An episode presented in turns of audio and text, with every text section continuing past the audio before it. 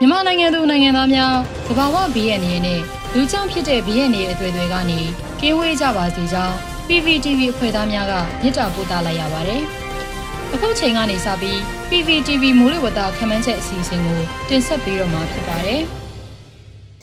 2021ခုနှစ်ဒီဇင်ဘာလ20ရက်နေ့မှဒီဇင်ဘာလ26ရက်နေ့အထိမိုးလေဝသအခြေအနေတွေကိုတင်ပြသွားပါမယ်။ ယခုနှစ်ဆောင်းကာလဟာလာနီညာအကျိုးဆက်ကြောင့်ဖြစ်ပေါ်လာတဲ့မုန်တိုင်းငယ်များလေပွေလိုင်းများကြောင့်နှွေးတလဲဆောင်းမိုးတလဲပြန်အေးတလဲဆိုတဲ့ပုံမှန်မဟုတ်တဲ့ရာသီစဝန်းအတွင်းမှာရှိနေပါတယ်။ယခုရက်သက်တစ်ပတ်အတွင်းမြန်မာနိုင်ငံတဝန်းလုံးမှာစောင်းရာသီရဲ့ပြည်ပြင်းလာတဲ့အေးဓာတ်ကိုခန်းစားကြုံတွေ့ရမယ့်အချိန်ဖြစ်ပါတယ်။တနည်းအားဖြင့်အဖြတ်ဆောင်းမိုးပြန်လေတက်တာလာနိုင်ပြီးမြန်မာနိုင်ငံမြောက်ပိုင်းမှကရင်ပြည်နယ်၊မွန်ပြည်နယ်အထိညအပူချိန်များရော့ကျလာကအေးပူလာနိုင်ပါတယ်။ လက်ရှိလာနီညာဖြစ်တန်စွမ်းမှာ2021နိုဝင်ဘာဒီဇင်ဘာလနဲ့2022ဇန်နဝါရီလတွေအတွက်81ရာခိုင်နှုန်းဖြစ်ပါတယ်။ဒီဇင်ဘာလ23-24ရက်ဝန်းကျင်အတွင်းမှာကချင်ပြည်နယ်၊စကိုင်းတိုင်းနဲ့ရှမ်းပြည်နယ်တို့မှာမိုးအနှဲငယ်ရွာနိုင်ပြီးတပြည်လုံးမှာတာယာနေပါမယ်။မြန်မာနိုင်ငံအထက်ပိုင်းအလဲပိုင်းနဲ့အရှေ့တောင်ပိုင်းဒေသတွေမှာအေးလိုင်းအဆင့်မဟုတ်တော့လဲရခင်ရက်များထက်အေးပိုလာနိုင်ကြောင်းတင်ပြအပ်ပါတယ်။ဒီဇင်ဘာလ20ရက်နေ့အတွက်ခန့်မှန်းချက်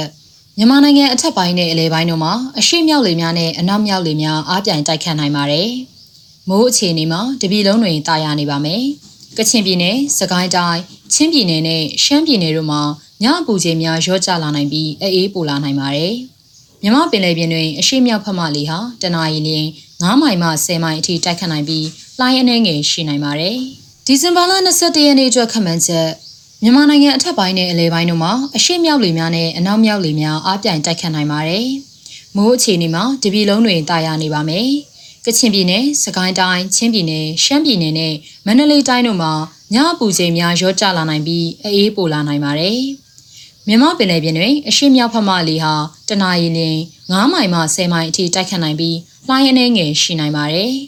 ။ဒီဇင်ဘာလ22ရက်နေ့အတွက်ခန့်မှန်းချက် မြန်မာနိုင်ငံအထက်ပိုင်းနဲ့အလဲပိုင်းတို့မှာအရှိတောင်လေများပြောင်းလဲတိုက်ခတ်နိုင်ပါတယ်။မိုးအခြေအနေမှာချင်းပြည်နယ်နဲ့ရခိုင်ပြည်နယ်တို့မှာတရင်အထင်အထင်ဖြစ်ထွန်းနိုင်ပြီးတပြည်လုံးတွင်တာယာနေပါမယ်။ကချင်ပြည်နယ်၊စကိုင်းတိုင်း၊ချင်းပြည်နယ်၊ရှမ်းပြည်နယ်၊မန္တလေးတိုင်းနဲ့ကယားပြည်နယ်တို့မှာညအပူချိန်များရော့ကျလာနိုင်ပြီးအေးပိုလာနိုင်ပါတယ်။မြမပင်လယ်ပြင်တွင်အနောက်မြောက်ဖက်မှလေဟာတနအီလ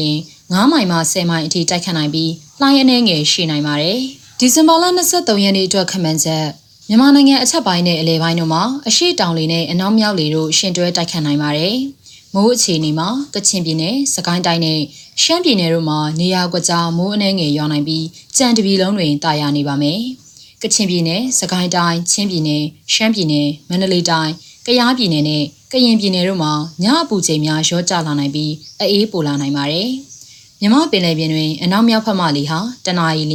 9မိုင်မှ10မိုင်အထိတိုက်ခတ်နိုင်ပြီး လှိုင်းအနှဲငယ်ရှိနိုင်ပါတယ်။ဒီဇင်ဘာလ24ရက်နေ့အတွက်ခန့်မှန်းချက်မြန်မာနိုင်ငံအထက်ပိုင်းနဲ့အလဲပိုင်းတို့မှာအရှိတောင်လေနဲ့အနောက်မြောက်လေတို့ရှင်တွဲတိုက်ခတ်နိုင်ပါတယ်။မိုးအခြေအနေမှာစကိုင်းတိုင်းအောက်ပိုင်းနဲ့ရှမ်းပြည်နယ်မြောက်ပိုင်းတို့မှာနေရာကွက်ကြားမိုးအနှဲငယ်ရွာနိုင်ပြီးကြံတပြည်လုံးတွင်တာယာနေပါမယ်။ကချင်ပြည်နယ်နဲ့စကိုင်းတိုင်းချင်းပြည်နယ်ရှမ်းပြည်နယ်မန္တလေးတိုင်းကယားပြည်နယ်နဲ့ကရင်ပြည်နယ်တို့မှာညအပူချိန်များရောကျလာနိုင်ပြီးအေးပိုလာနိုင်ပါတယ်။